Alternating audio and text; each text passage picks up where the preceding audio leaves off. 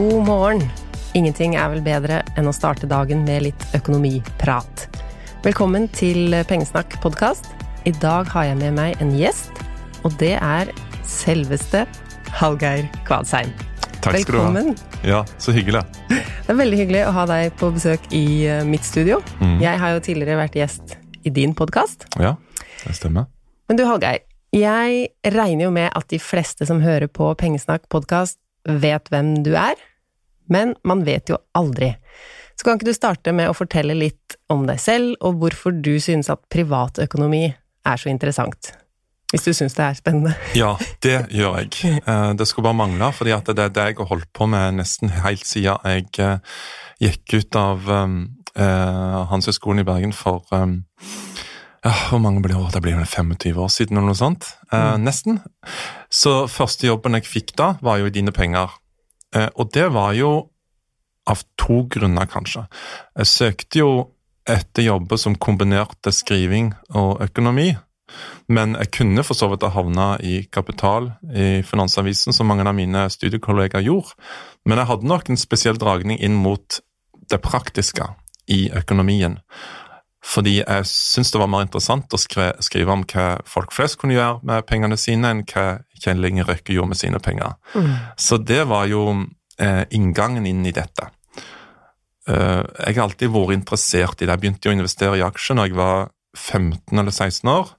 Drog med mor mi på den lokale sparebanken på Bryne eh, for at hun skulle skrive under på fullmakter og, og være der sånn at jeg kunne legge en ordre og kjøpe og selge. Eh, og seinere også, når jeg begynte på, på skolen, så, så jobba jeg mye. og var interessert i å plassere de på best mulig måte, også når det gjaldt liksom, bankrente og sånn. Så det var jo interesse for meg alltid. Og litt er sikkert pga. grunn av bakgrunnen min nå. Jeg er født av to bønder på Jæren, eh, og jeg vant med Eller jeg liksom flasker opp med at du skal se Graset gror, og du skal hauste altså du, du skal liksom Du skal se at uh, avlingen eh, blir bedre enn året før. Og det, det går kanskje en slags uh, abstrakt linje fra det også, til det jeg driver på med nå. Så uh, etter det så har jeg holdt meg innenfor privatøkonomisfæren ever since. Gikk over til å jobbe i Dagbladet etter Dine penger, med ansvarsområde for personlig økonomi der.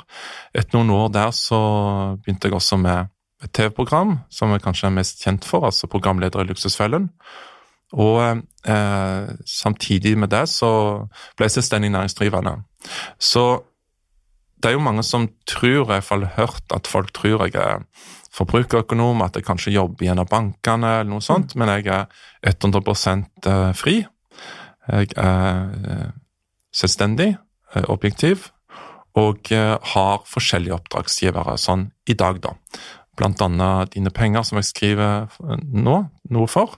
Jeg lager en podkast, Pengerådet, sammen med de, og eh, har også oppdrag innenfor eh, foredrag, eh, har atferdsøkonomisk BIFF, eh, som er en spareapp, og eh, jeg jobber også med noen andre prosjekter. Så det er, det er mye jeg putter ned i konvolutten min, men eh, felles for alle de tingene jeg gjør, er jo eh, lysten og ønsket om å formidle privatøkonomi og, og gjør folk rett og slett eh, mer fri. For du har, eh, har du et enkeltpersonsforetak, eller er det et AS? Jeg har et enkeltpersonsforetak, men du kan si, uten at en skal gå for langt inn i det, så er jeg vel der at jeg ser at eh, for meg så har det klare både for- og ulemper med begge organisasjonsformene, og det kan være at jeg eh, endrer det til et AS om et år eller to, rett og slett. Men akkurat sånn som det har vært, så har det ikke vært noen store, klare fordeler med et AS. Du har jo mye innsikt i nordmenns økonomi. Du kjenner til alle reglene rundt skatt og pensjon og disse tingene. Men hvordan står det til med din personlige økonomi, Hallgeir? Er du en sløser eller en sparer? Mm. Jeg er nok mest en sparerbombe. Men det er likevel et interessant spørsmål du stiller, og som jeg ofte blir spurt om eh, av ja, typiske aviser eller eh, i mediene. Når sløste du sist? Hva sløser du på? Og det er jo et vanskelig spørsmål, og hele hva skal du si? Hele formuleringene mine tas normalt ikke med, fordi de vil ha et enkelt svar. nå kan vi mer utvurdere dette. Eh, fordi, Lise, hva er sløsing? Altså, Nei, er hvordan definerer du det? Det er jeg interessert i. Ja, jeg tenker sånn at sløsing er unødvendig pengebruk. Mm. Så noen kan si at det er sløsing å kjøpe kaffe on the go. Ja. Men hvis det er noe du elsker å kjøpe, så syns ikke jeg det er sløsing. Mm. Da er det mer sløsing å ha en, abonnere på en TV-kanal du ikke bruker, eller dra på en ferie som blei mye dyrere enn du hadde tenkt, og du egentlig ikke hadde det noe bra. Altså, Mm. sløsing er personlig for hver og en av oss, tenker jeg. Men at det er unødvendig pengebruk. Pengebruk som ikke ga deg noe av verdi. Mm. Det er subjektivt, ikke sant? Mm. Eh, Hva jeg definerer som sløsing, eh, kan være helt forskjellig fra det du gjør. Og eh, jeg tenker jo da at det er noen av de tingene jeg gjør som kanskje no, i noens øyne, hvis jeg skal trekke fram Jeg syns det er vanskelig å, å på en måte si hva jeg sløser penger på, for jeg gjør ikke så fryktelig mye av det, tror jeg. Men det kan være ting som restaurantbesøk. Eh, det er mange, spesielt der jeg kommer fra Jæren, som ikke fatter og begriper hvordan du kan bruke kanskje en tusenlapp eller to på en, på en god restaurant. Mm. Det syns jeg er, kan, være vel kan være vel anvendte penger. Alt etter selvfølgelig opplevelsen, men jeg syns generelt, iallfall i Oslo, så har vi fantastisk mange gode restauranter, og det gir meg eh, mye å gå på, på de. Men andre syns altså det kan være sløsing. Så ellers har jeg jo ikke noen av de der vanlige, holdt på å si, vanlige uvanene. Nei. Jeg snuser ikke, jeg røyker ikke. eh, Pepsi Max. Nei, ikke Pepsi Max heller. Nei, Du holder deg til julebrunosten. Ja, jeg holder meg til julebrunosten. Det er kanskje min guilty, guilty pleasure. Men det går jo på en måte, det er jo litt sånn um, Det går på bekostning kanskje av en annen type ost. da. Jeg vet ikke om den er så Ja, spesielt dyr. Um, men så, så alt i alt så er jeg nok en, en, en sparer mer enn sløser. Så, er det jo sånn, da, at eh, det er ikke bare jeg i vår lille husholdning. Det er jo fire andre. Vi er fem stykk, og jeg tenker jo ofte at hjelpe seg eh, Jeg syns det er vanskelig nok jeg, å få oversikt over egentlig hva jeg bruker på, om vi bruker unødvendig mye penger. Jeg syns iallfall at vi har et ganske stort eh, altså Både meg og kona mi har eh, en god jobb og tjener bra med penger, men samtidig så merker vi jo at vi har jo et stort forbruk. Ikke sant? Men det er tre ungdommer du har. med tre, ja, to tenåringer og ei på ti, Mm. så, så bruker vi som familie en god del penger. Men jeg tror nok at kanskje, hvis du sammenligner med andre familier, så tror jeg ikke vi ligger liksom så mye over de, men eh, det er likevel eh, det, er nesten som en liten uh, minibedrift, altså, rett og slett. eh, og jeg skjønner utrolig godt uh, de som mister oversikten. Uh, fordi det er ikke nødvendigvis sånn at de apparatene en har for å få oversikt, er ikke sånn fram i dagen nødvendigvis som en kanskje skulle tro, selv om utviklinga nå kan føre til at en får bedre oversikt allerede om et år eller to eller tre. Men bare det at man er flere i en husholdning som bruker Ja. penger, og man har kanskje forskjellige kontoer og forskjellige kort, så er det jo en jobb å få samla Det alt er det. Og eh, til, min, til min store misnøye så har jo f.eks. S-banken, hvor jeg har brukskontoen min, de har lagt ned sin budsjett- og forbruksfunksjon, så nå er det jo egentlig enda vanskeligere for meg å da se hva er det vi bruker mest penger på, kontra andre familier. Jeg kan gjøre det, og jeg kan sette det opp via andre apper, og gjør jo det, men eh, jeg syns det er synd at de kutta vekk den. De sier at de skal komme med noe annet, noe bedre. Og hovedgrunnen, eh, og den kan jeg forstå, da, eh, til at de kutta ned den, og så må også andre banker ta med i vurderingen, er at altfor få brukte den. Og det syns jeg er synd, for det er en formidabel måte å få oversikt. Rett og slett i nettbanken din, se hvordan pengene går ut da, i ulike forbruksgrupper. Men i familien din, er alle opptatt av privatøkonomi, eller er det du som er streng, eller har du liksom noen strategier for å lære barna dine om fornuftig pengebruk? Ja, men du vet, det er litt sånn eh, Jeg er vel den Jeg føler iallfall en viss sjenanse når jeg er ute blant folk, og jeg eh, skal iallfall ikke være den strenge eller være den der han er høyrøsta overfor mine barn på hvordan de skal bruke pengene sine, som jeg ser andre kan kanskje gjøre fordi at jeg eh, om det er virkelig eller ikke, så føler jeg kanskje at andre folks øyne ser mer på meg enn eh, enn på andre når de er ute på rett før kassen, ikke sant?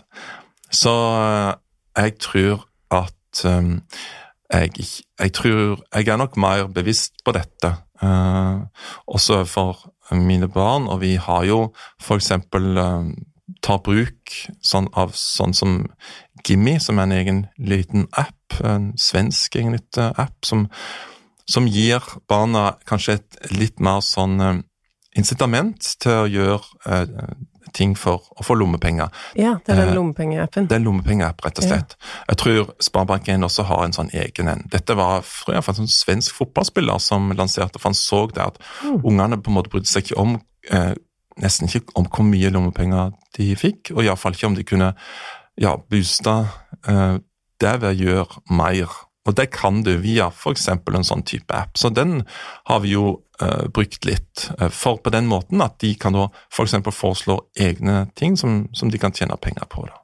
Så, så, det er jo en måte jeg gjør de kanskje litt mer bevisst på, på, på pengebruk. Og så vet du, altså Økonomi og miljø går litt hand i hand. Uh, på på, uh, hos mange familier, og der prøver vi også å få til. Både ved at vi, altså, Mange av de tingene du sparer mest på, er jo også ganske miljøvennlige. At vi prøver å ta mer tog enn fly. Mm. At vi prøver å bruke bilen i mindre grad. Uh, og generelt leve litt mer miljøvennlig. Uh, mindre kjøtt. Det er også ting da, som der ikke nødvendigvis økonomien er det viktigste, men som er en, selvfølgelig en indirekte effekt av det så er det noe med det at penger er så abstrakt, og det blir jo bare mer abstrakt nå som det ikke er myntler og ja. sedler, og nå har jo jeg bare en treåring, så han er jo mm. liten, og jeg har tenkt mye på liksom hvordan kan jeg sørge for at han ikke blir For noen barn blir jo kanskje det motsatte av foreldrene sine, at han blir en skikkelig sløser. Eh, og nå på lørdag, så han har jo skjønt at det er noe som heter lørdagsgodt, mm. så det, når vi, han våkna på lørdag, så vil han ha det med en gang. Og så, det var jo ikke mye, det var en sånn eventyrsjokolade, og så foreslo jeg for han at vi deler den i to, mm. og så sparer vi halvparten til ettermiddag. Og det gikk han med på og syntes var litt spennende, og på kvelden når han tok den fram, så var han litt sånn stolt. Jeg sparte denne. Ja. Så tenkte jeg, det handla jo ikke om å spare penger, men det å få inn det begrepet spare og gjøre det til noe positivt, det tenker mm. jeg kan være en lur ting, da. Det er riktig. Mm. Um, men er det sånn, Hallgeir, at du kan gå på fest eller et arrangement uten at noen skal begynne å snakke med deg om økonomien sin? Nei, det kan jeg vel ikke. Eh, det har vel nesten ikke skjedd. Med mindre selvfølgelig det er um, blant venner. Da, da vet de jo. Ja. Uh, da har vi snakket om dette kanskje før, eller de er ikke så interessert. Vi er ikke så interessert i jobb når vi er ute og treffer andre nødvendigvis. Men uh, hvis jeg uh, av en eller annen grunn er på plasser hvor det ikke, hvor jeg ikke kjenner folk, så er jo det er veldig nærliggende for de å begynne å snakke om Um, først kanskje om uh, alle de de har sett i Luksusfellen, og hvordan de får tak i de folka, hvor, hvordan uh, det er mulig å ta opp så mye gjeld, og om det er individets eller samfunnets uh, mm ansvar eh, osv. Men en kommer også ofte inn på sin egen økonomi og hva som er lurt. og Spesielt for den aldersgruppa jeg er i, så toucher en ofte inn på eh, langsiktig pensjonssparing og den type ting. Så jeg har det veldig gøy på fest. nei, ja, jeg, og jeg sier jo av og til de også at nå, nå er jeg fri. Nå må jeg få lov til å snakke om fotballag og standup comedy eller eh, Netflix-serier og andre ting. og det det går som regel greit. Men eh, jeg tenker jo at det er positivt at eh, nordmenn er interessert i sin egen økonomi. Mm. Men eh, det er jo mange som ikke er det òg. Eller tenker du at nordmenn i urovekkende liten grad er opptatt av at ting kan gå galt, rentene kan bli høyere, man kan ja. miste jobben. Det er mange som lever måned til måned. Mm.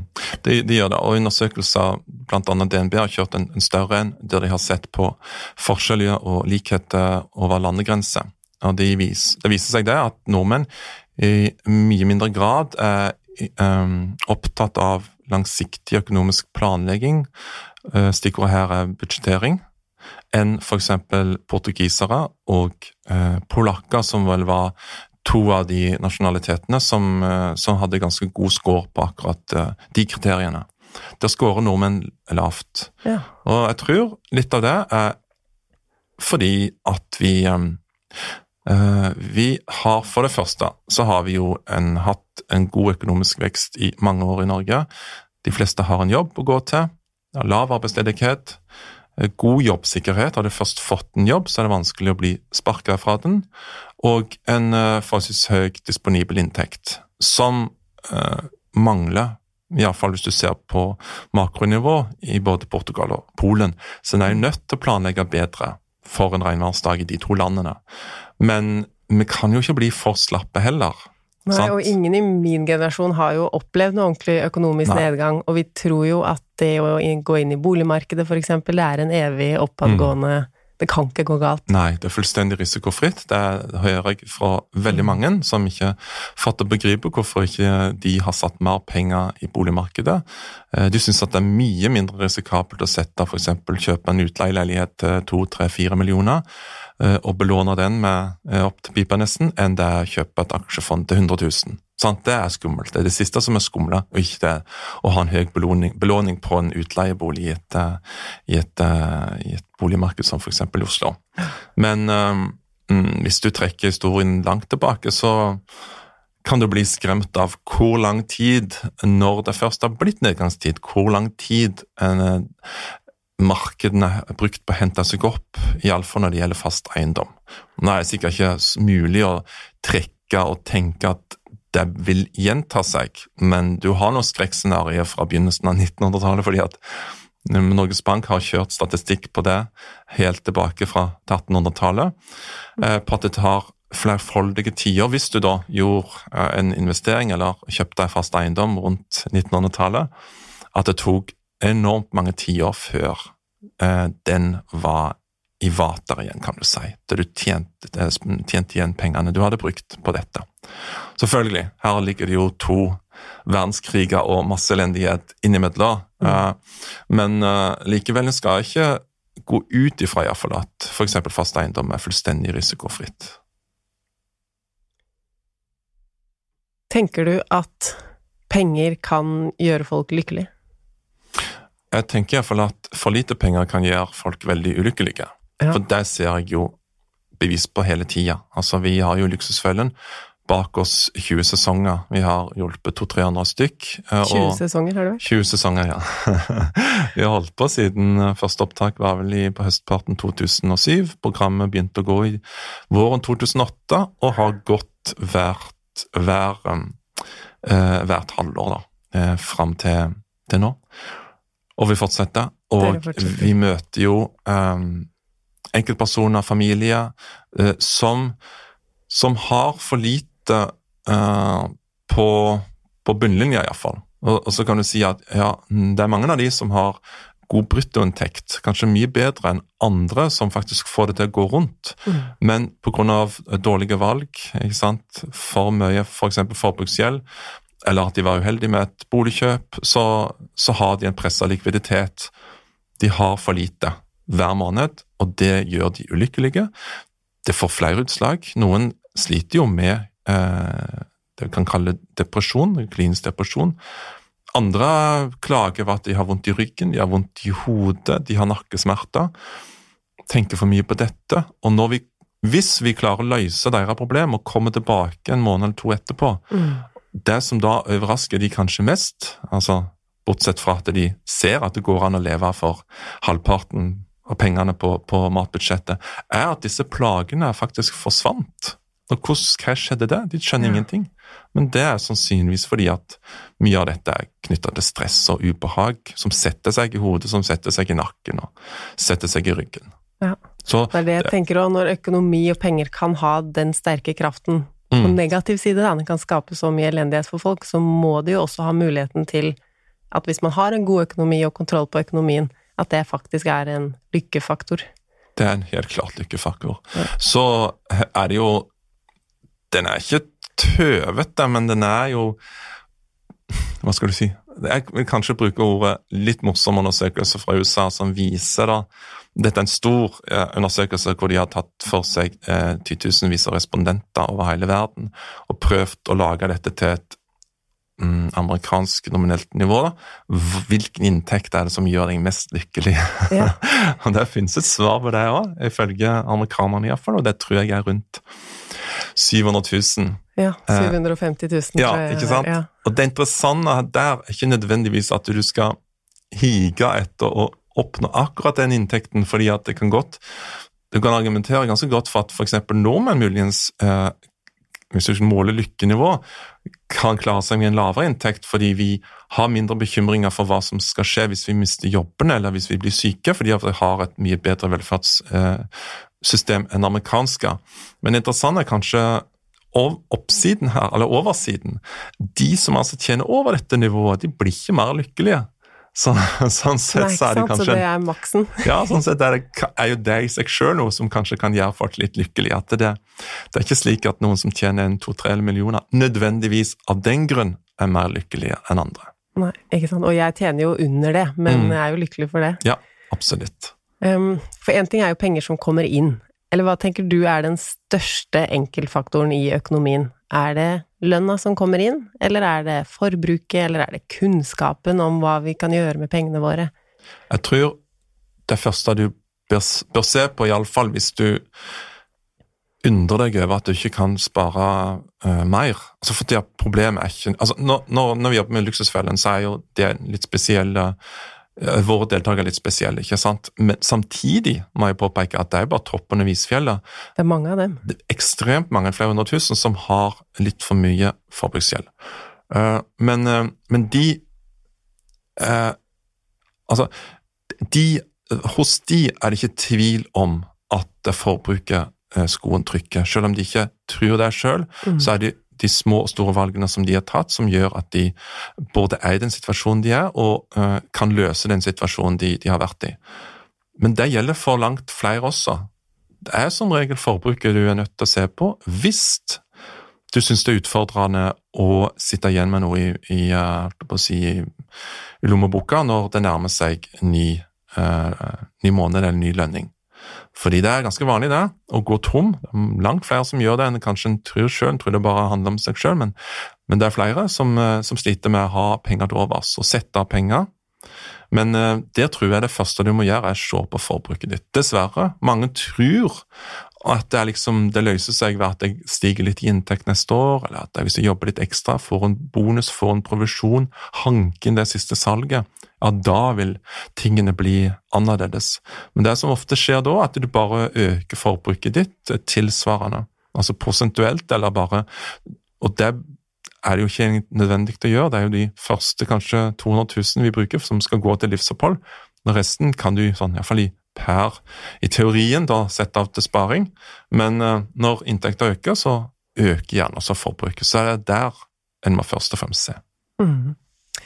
Men hvis det, hvis det holder på å gå gærent, da, eller er det noen sånne varsellamper som du kan si sånn for å forhindre luksusfelledeltakere om Mm. fem til ti år? Hvis det er noen som hører på nå som Når er det man må tenke at nå må jeg gjøre noen grep? Det er nok litt eh, Hva skal du si Psykisk tenker jeg at når det begynner å knytte seg litt i magen, når du føler et ubehag over at noen over bordet snakker om eh, økonomi, snakker om sin egen økonomi, når du føler at dette er et tema som eh, du helst vil eh, unngå, både snakke om og, og høre om, da, da er det en oransje lampe, da. Eh, Fordi da kan det være fordi at du da bevisst eller ubevisst skyver dette vekk fra deg sjøl, og stikker heller hodet ned i sanden. Eh, og så er det jo de der synlige tegnene på at du får litt for eh, mange inkassovarsel. Um, Det er ikke slik at så mange tror at en får betalingsanmerkning f.eks. med en gang en er for sein med en betaling. Det tar kanskje tre til seks måneder, så det går ganske lenge før du får virkelig store problem i privatøkonomien din. Og Det er mye du kan rette opp underveis. Så Derfor er det så viktig å angripe problemet tidlig. Altså Hvis du hele tida kommer i ja, i en dårlig spiral med, eh, med inkassobrev, inkassovarsel, som ikke er nødvendigvis farlig i seg selv, men selv om det påløper noen gebyrer, så er det et tegn på at ting går litt gal vei.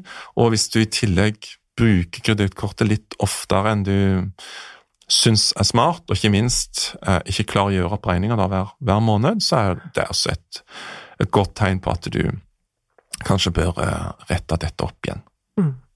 Jeg tenker jo at de fleste som hører på her, de er jo interesserte i privatøkonomi Mm. og lærer seg nye ting, og er kanskje ikke den mest eh, Altså i målgruppa der, men de vil jo gjerne gjøre noe veldig smart med pengene. Så har Mm. du noen sånne lure ting som kanskje du tenker hvorfor gjør ikke flere det? At det er smarte grep å ta som du kan anbefale de som hører på? Jeg mener iallfall at uansett så bør alle ha en, en bufferkonto i sin privatøkonomi. Det er grunnmuren i folks privatøkonomi. Og det sier jeg ikke bare fordi at jeg ser at veldig mange av våre deltakere ville klart å løse sine problemer på et tidlig stadium hvis de hadde hatt de pengene i reserve istedenfor å gå til Bank Norwegian.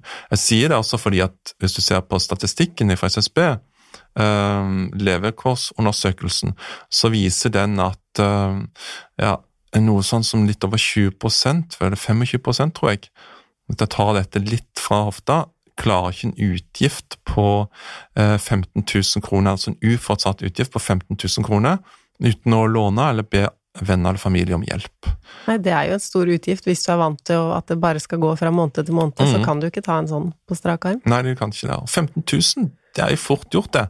Hvis du har bilen på verksted, og det er noe annet enn bare vanlig service, at det går eh, en, uh, en pumpe i bilen, for eksempel, sånn som skjedde med min her forleden, eh, to dager siden jeg måtte gjøre det.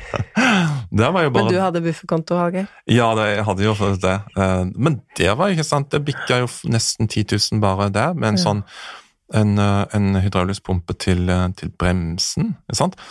Eh, Så kan det være hos tannlegen at du, du må ta en rotfylling. Det er dyrt, det. Det kan være at du kom for seint et fly med familien. Mm, Det var trafikkork på veien, drosjen kom ikke fram. Eh, Flyet gikk, og du har ikke noen forsikring som kan akkurat dekke det, at du rett og slett hadde litt dårlig tid. Så da må du plutselig ut med kanskje 10 000-20 000 eh, i flybilletter der og da for å få familien hjem igjen. Sånne type utgifter er du nødt til å ha en konto for. Og det tror jeg er eh, kjempeviktig, og, og mange neglisjerer akkurat det. Så er det ikke gitt da, dette er et stort tema som du også har tatt opp, ikke sant? Det er ikke gitt at en nødvendigvis trenger å ha de pengene fritt tilgjengelig på en sparekonto. Det kan være at du kan ha det, betale ned ekstra på lånet ditt, og mange som har god oversikt og liker å følge med på privatøkonomien, som dine lyttere gjør, de, de klarer fint å ha den bufferen i lånet sitt. Så det er ikke feil, altså.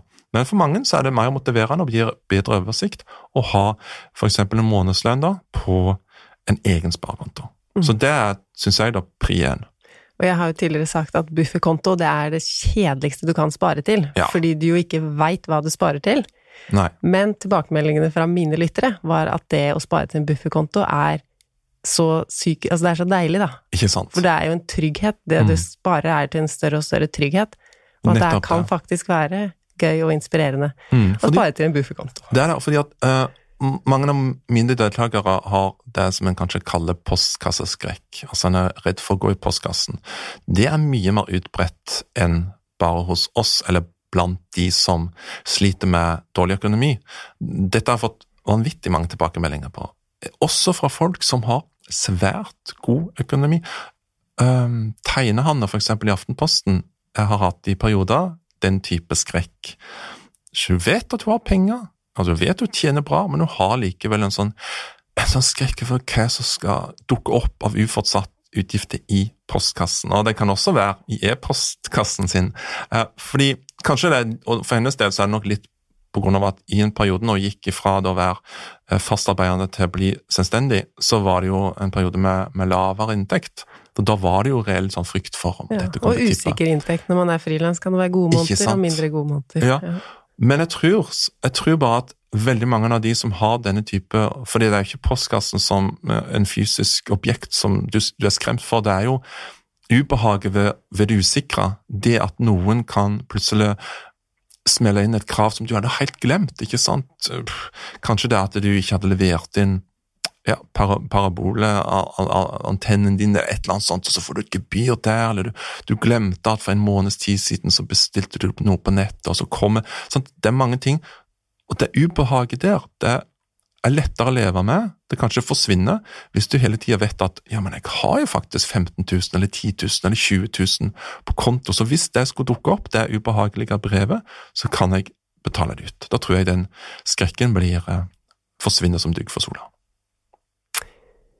Tusen takk for eh, praten. Det var Bare. kult at du tok deg tid til å være med i Pengesnakk podkast. Hvis de som lytter på nå vil ha mer av Hallgeir og din kunnskap, hvor kan de finne Du nevnte dine penger. Du skriver fast i bladet. Det gjør jeg.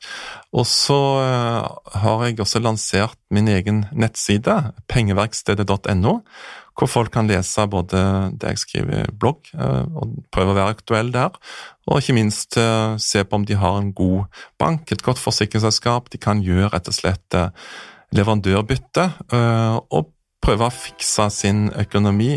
For uansett hvor god den er, så er det alltid noe som trengs å fikses på. Liksom. Det er det. Pengeverkstedet, altså. Takk for det. Hyggelig.